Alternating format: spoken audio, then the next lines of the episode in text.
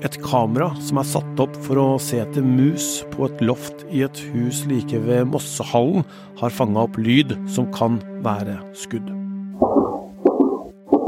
Først en serie på tre skudd, så fem til. Og så til slutt et siste. Til sammen ni skudd. Politiet undersøker nå om dette er de skuddene som var retta mot den svenske statsborgeren i 30-åra som ble skada i Moss tirsdag kveld. Og så er det store spørsmålet. Er dette de svenske gjengene som har flytta volden sin til Norge? Jeg heter Tor Erling Tømt Ruud, og dette er Krimpodden i VG.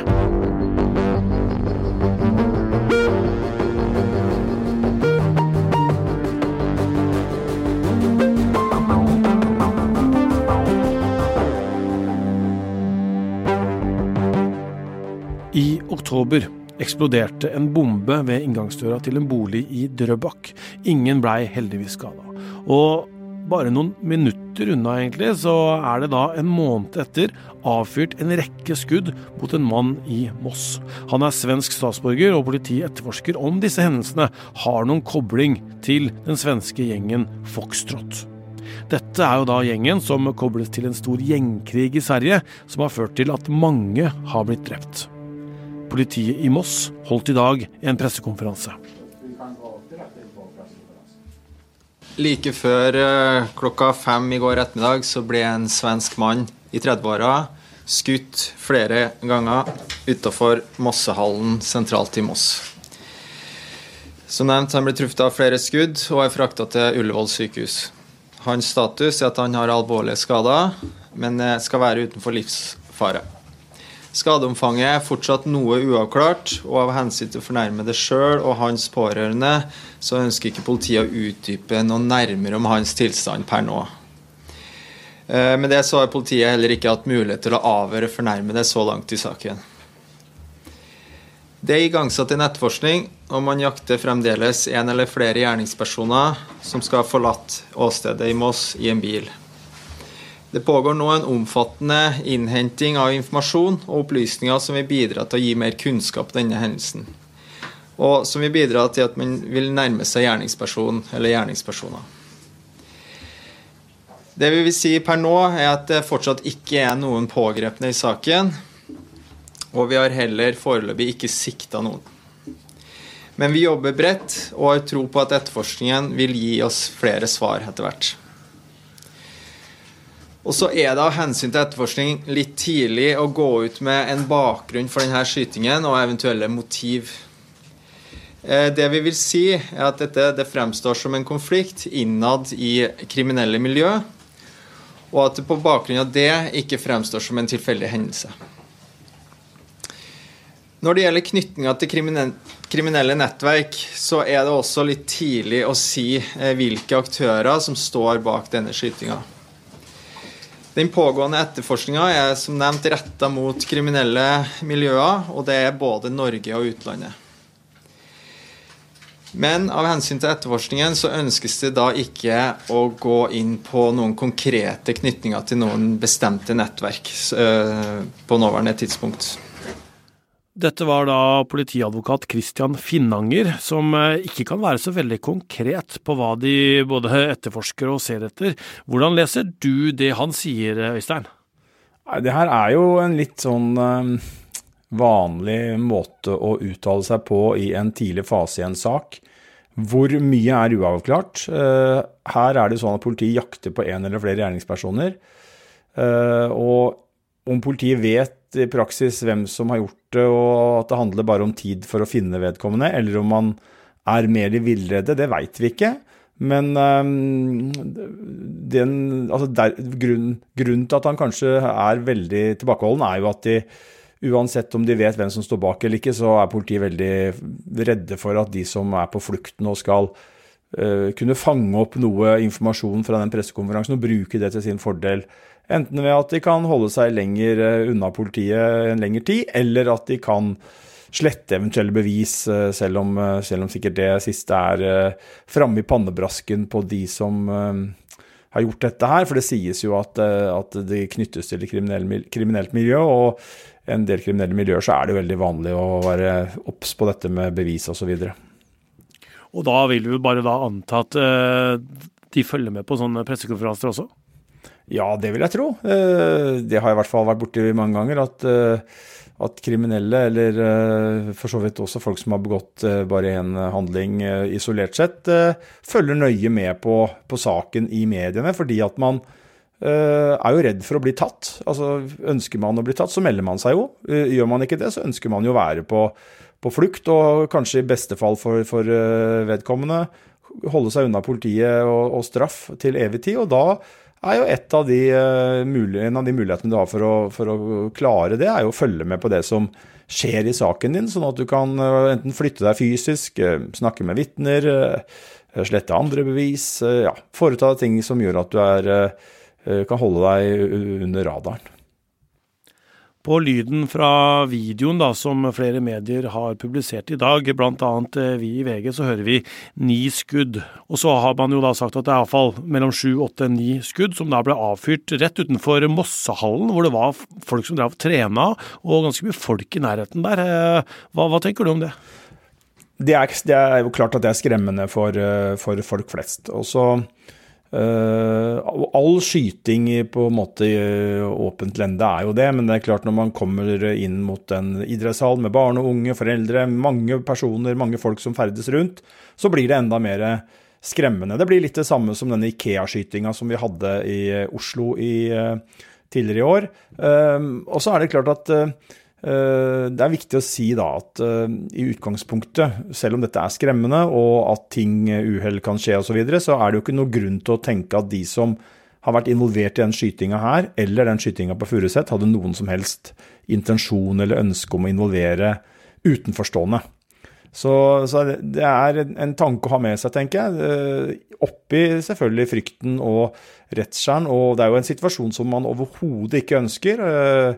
Man ønsker jo naturlig at, at, at, folk flest eh, ikke blir utsatt for skyting noe sted, men det blir jo hakket verre når det, når det skjer i en by eller utenfor en idrettshall eller på steder hvor det er mye folk. Men, men uh, samtidig som man har den eh, frykten og tanken i hodet, da, så er det tenker jeg, viktig å uh, vite at uh, de som var i, i, Moss i går, de var nok ute etter å si, hverandre, og ikke etter å ramme eh, tredjepersoner og helt uh, ikke-involverte mennesker i, i, i, det som skjedde. Vi hørte jo politiet jakter etter en eller flere gjerningsmenn her, da, uten at de kunne si noe særlig om hvem de var. Hvordan tror du politiet jobber da for å få tak i dem? Det er jo uh, veldig sammensatt. Uh, for det første så bruker man etterretningsopplysninger, som det heter på politispråket. Det er kort og godt uh, all informasjon politiet har om en person. Og det kan være så mangt. Det kan være at man har noen kilder som har fortalt at Tor Herling Tømt Ruud pleier å gjøre sånn og sånn. Jeg har hørt i det siste at han har kjøpt seg en sånn bil. Jeg har hørt at han har begynt å jobbe der. Jeg har hørt at han har begynt å møte de og de personene. Altså all sånn informasjon som flyter rundt, er jo politiet alltid ute etter, og, og, og, og, legger det inn i systemene sine for å kunne ha så mye uh, som mulig å gå etter. Og dette er jo da informasjon som ikke behøver å være verifisert. Det er viktig å uh, understreke det, at dette er informasjon som, som bare kommer flytende, og som man uh, ja, Kanskje med noen sealing, selvfølgelig, men, men man legger inn eh, som uautorisert, ubekrefta meldinger. Det er jo én bit av det. Og så er det elektroniske spor. Eh, er det sånn at den som er på flukt, kan tenkes å bruke en mobiltelefon? Eh, er det sånn at vedkommende bruker et bankkort? Er det andre måter å spore på? Er det bil som passerer bomring osv.? Så, videre? så vil man jo lete etter om vedkommende har noen bekjente som man kan tenke og tenkes å skjule seg hos. Eh, det kan være kjærester, det kan være venner, det kan være familie. Eh, og så er det jo etterlysninger eller samarbeid eventuelt med internasjonale myndigheter. Vi har hørt at, at svensk politi har bidratt her med å prøve å ja, følge med, og at grensepoliti, og det er jo kanskje norsk og svensk politi eh, som, som, samarbeider om det, men har vel også prøvd å, å, følge med på de som kjører inn og, inn og ut, eller særlig ut av Norge, da, eh, og inn i Sverige. Eh, så det er det er, det er en veldig sånn sammensatt operasjon, det å lete etter noen. Men kort sagt så er det jo bare å hoste opp så mye informasjon og så mange hypoteser bygd på informasjon som mulig om hvor en, person kan befinne seg. Og så er det å begynne å, å jobbe ut fra det, og se om man da kan snevre det inn og finne kanskje ferske indikasjoner på at den du leiter etter er på et sted eller innenfor et område, og, og prøve da å komme på på, på muligheter til å få pågrepet vedkommende. Flere medier har jo da eh, skrevet at politiet etterforsker eh, opp mot eh, dette svenske gjengmiljøet som er kalt Foxtrot. Og det er jo helt naturlig å gjøre det, fordi at ja, det har skjedd så mye i Sverige ikke sant, som, som vi har hatt om før i Krimpodden her også. Og så er det jo det at han som da ble skutt mot, er svensk statsborger, så, det, så man får den der koblingen der. Men jeg, jeg sjekka litt på han som ble skutt mot, og han, han har ikke noen sånn typisk gjengtilknytning sånn som jeg kan eh, se det. Han er, han er dømt for å ha kjørt for fort og litt sånne ting eh, fra før, og har også vært anklaga for vold. Eh, men, men, ikke noe sånn typisk sånn gjengting. Hva tror du rundt det? Nei, det er ulike personer som knytter seg til gjengene. Noen kan ha Eh, på å si voldsomme dommer. ytterste konsekvens så kan det være folk som er dømt for, for drapsforsøk, eller uh, kanskje til og med drap. Men det er jo også mange som, som har mindre forhold, bare, eller kanskje ingen forhold. Alt begynner jo et sted. Og hvis du er fersk inn i et gjengmiljø og ikke har vært borti noe kriminelt eller blitt tatt for noe tidligere, så vil du jo komme, kunne komme inn i en gjeng si, som et ubeskrevet blad i politiets sammenheng. Så er jo det sånn at Eh, det betyr jo ikke at du ikke er, eh, at du ikke er erfaren, fordi at eh, langt de fleste blir jo tatt for kriminelle handlinger. Så, så, det kan jo være en stor forskjell på hva du faktisk har gjort, og hva du faktisk er i stand til å gjøre, og det du har blitt tatt for og, og dømt for. Så jeg tror, er, jeg tror, ikke det er uvanlig at det fins folk som i hvert fall politiet definerer som en del av gjengene, som som eh, ikke har det lengste rullebladet i, eh, i, verden. Ja, fordi Selv om politiet ikke bruker ordet gjeng her, for de sier kriminelt nettverk, så er det jo egentlig det det er. Ja, nå, nå snakka jeg for så vidt litt generelt også, men, eh, men, hva er en gjeng? Ikke sant? Når er det en gjeng? Og, og, og ordet gjeng i seg sjøl har jo en historikk i språket vårt som ikke handler om om eh, denne type kriminalitet fra, fra, fra gammelt av. Men, men, uh, men uh, det er jo ulike typer ungdomsgjenger rundt i hele Norge, uten at man har den definisjonen som kanskje er den samme som vi bruker på, på de to-tre mest potente, skumle og spisseste gjengene. Så, så, det er jo bare sånn begrepsforskjell der. Men, men, et kriminelt nettverk, ja. og, og det som jo er eh, interessant her, eh, det er jo flere ting, men det ene er jo nå har det vært to hendelser i Norge som, eh, som ser ut til å være litt spesielle og skille seg litt ut. Vi har denne bomba i, i Drøbak, hvor det ble plassert et bilbatteri var det vel, utafor en dør.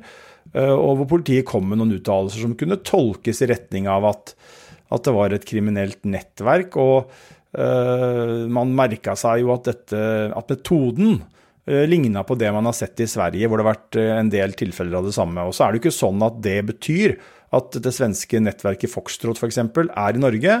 Men det kan jo bety alt for at de som har satt denne bomba, eller lagd den bomba utafor et hus i Drøbak, enten har latt seg inspirere av det som skjer i Sverige, bare ved at de har fulgt med på mediedekningen eller snakka med noen som kjenner til hva som, hva som har blitt gjort der, eh, eller så er det eventuelt mer direkte forbindelser. Og, og, det, og, det, ligger jo her som et bakteppe, uh, den hendelsen der som skjedde tidligere i høst. Og så kommer denne. Og sett utenfra så vil jeg jo si at det er uh, lett å tenke at det er enkelte likhetstrekk her. og så må jo politiet etter hvert svare på og bringe klarhet i i hvilken grad det er noen likhetstrekk. Vi hørte at etterforskningen per nå ikke kobler disse sakene. Men om man på et eh, tidspunkt lenger fram i løypa finner eh, en eller annen form for forbindelse, det vet vi jo ikke. Eh, men det vi vet, er at disse to hendelsene er veldig spesielle på hver sin måte, og at det gir jo grunn til bekymring At man har skuddoppgjør utafor Mossehallen hvor det løsnes flere skudd, og at noen plasserer en bombe utafor et hus i, i Drøbak og hele inngangspartiet og lufta, og, det var vel bare flaks der at ikke noen ble skadd av den smellen der.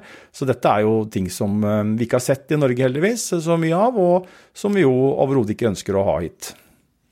For noen uker siden så hadde vi jo da Diamant Salihu her i Krimpodden. Han er journalist og har skrevet bøker om den svenske gjengkrigen. Han sa jo at eh, Norge var gangsternes eh, paradis, og sa jo også at eh, gjengene og Foxtrot hadde allerede kommet hit. Hva tror du? Ja, det kan jo hende, og han har jo veldig oversikt og kontroll over det, så jeg skal ikke betvile hans analyser. Og det er naivt å tenke at ikke det flyter kriminelle over grensen. Det har skjedd i andre saker som, eh, som vi kjenner til. Eh, kan du ta et eksempel? Nokas-saken så ble det henta inn svenske kriminelle som, eh, som, ble satt inn i, i laget, ranslaget til David Toska. Men samtidig så har jeg jo vært med i, i gamet noen år, og jeg har hørt en del sånne uh, dystre spådommer uh, med at vi får Eh, vi får tilstander enten svenske eller danske eller østeuropeiske eller hvilke land det skulle være, hvor det er et eh, på en eller annen eh, front da, er et mer kriminelt og tøffere miljø enn det vi har. Og at det rykker ut eksperter og sier at disse miljøene vil vi komme til å få til Norge også. Og så er det heldigvis sånn at i noen av disse sammenhengene så har spådommene ikke slått til. Og det kan være mange grunner til det. Det kan jo være eh, norsk politi, det kan være at ikke Norge var så interessant likevel. Eh, at man ikke har klart å rekruttere folk lokalt i Norge som har vært villige til å være med på det eventuelle krefter fra utlandet har ønska seg. Så, så, det er jo eh, umulig å si. Men, men det som er et faktum, er at, at jeg kan ramse opp noen forskjellige saker eller miljøer opp gjennom årene hvor det har vært advart veldig kraftig mot at dette kommer til å komme til Norge, og så har det heldigvis ikke gjort det i Norge i eh, så stor grad som man har frykta. Men så skal det jo sies at det også har vært miljøer som, eh, som har eh, kommet inn og hatt viss, et visst grep her i hele landet. Så det der er vanskelig å si, tenker jeg. Og det viktige er jo at norske politikere og norsk politi er, er fremme i skoa på dette her. Og det jeg har hørt i dag på, på nyhetssendinger, virker i hvert fall som at man forstår at dette her eh, er en situasjon som må, må, må, må være i forkant av, og, og, ikke vente, som man har gjort og gjorde i enkelte andre miljøer. Eh, F.eks. MC-miljøet. Ja, ikke sant. Det var på 90-tallet hvor flere MC-gjenger etablerte seg i, i Norge. Det samme skjedde med ransmiljøet. Uh, hvor, hvor Oslo-politiet advarte mot, uh, mot, det som skjedde. Uh, så det er klart at man har jo erfaring for at det har gått for langt, da. og at man har vært for defensiv, og det tenker jeg er greit å ta med seg nå inn i den situasjonen som, som vi ser er i, i, Sverige, og som kanskje vi har sett tegn til at har en viss forgreining til Norge.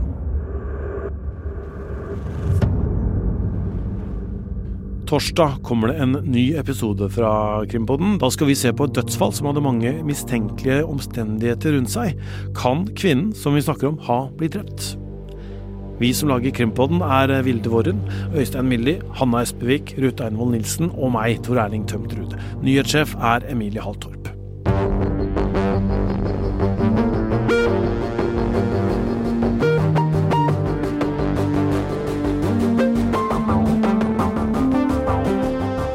Har hørt en podkast fra VG.